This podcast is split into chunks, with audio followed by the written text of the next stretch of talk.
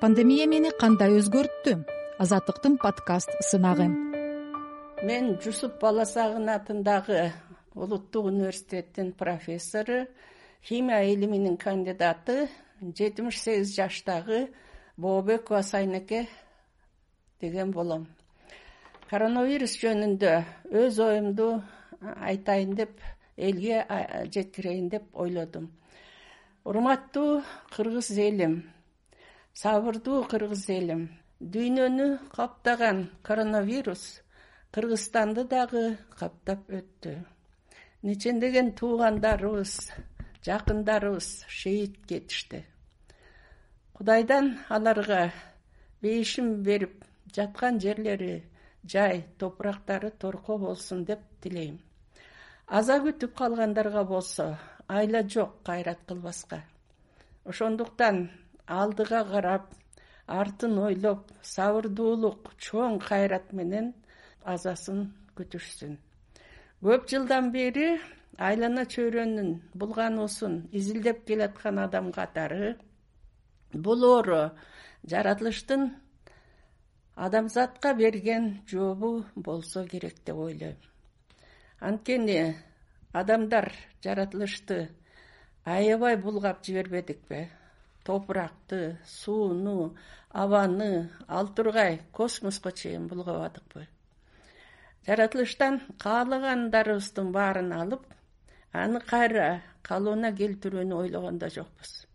Кирдеген денеде бийит сирке пайда болгондой эле кирдеген жаратылышта дагы жаңы микробдор вирустар бактериялар пайда болуп жатпайбы ошондуктан азыркы коронавируска вакцина да табылбай атат дарылашка дары дармектердин дагы күчү жетпей атпайбы урматтуу элим нуржигит кадырбековдун ырындагыдай кышта кийин жаз жамандыктан кийин жакшылык келет. Келгенде мына ошо жакшылык келгенде мындан ары жаратылышка аяр мамиле жасап өзүбүздүн жеке тазалыгыбыздан баштап айлана чөйрөбүздү дагы таза сактайлы. Бактарак токойлорду көбөйтүп ар түрдүү уулуу заттарды жаратылышка айлана чөйрөгө чыгарбай жаратылыш менен гармонияда жашайлы.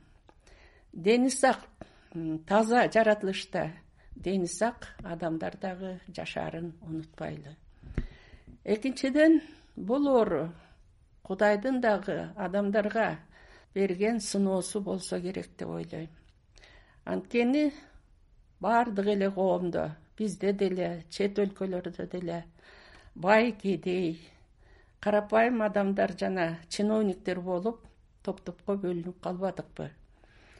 Адамдардын арасында алдамчылык ач көздүк көрө албастык э, калпычылык кесирлик ушакчылык төрөпейилдик деги эле жаман мүнөздөр пайда болбодубу таман акы маңдай тери менен жашагандарды кемсинтип аларга тыңсынып басмырлап адам катары санабай калышпадыбы ал эми кудайдын алдында күндүн алдында баардык адамдар бирдей эле эмеспи.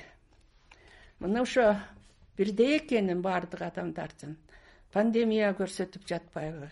Ал карабайт экен байлыкка дагы бийликке дагы э, же кедейликке дагы карабай эле баардык адамдарга бирдей оору атышпадыбы. Демек пейилибизди оңдоп кудайды карап мындан ары жашоого үндөйм.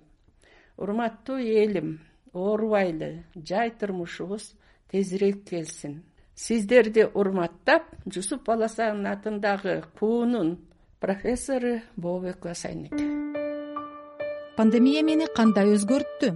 Азаттыктын подкаст сынагы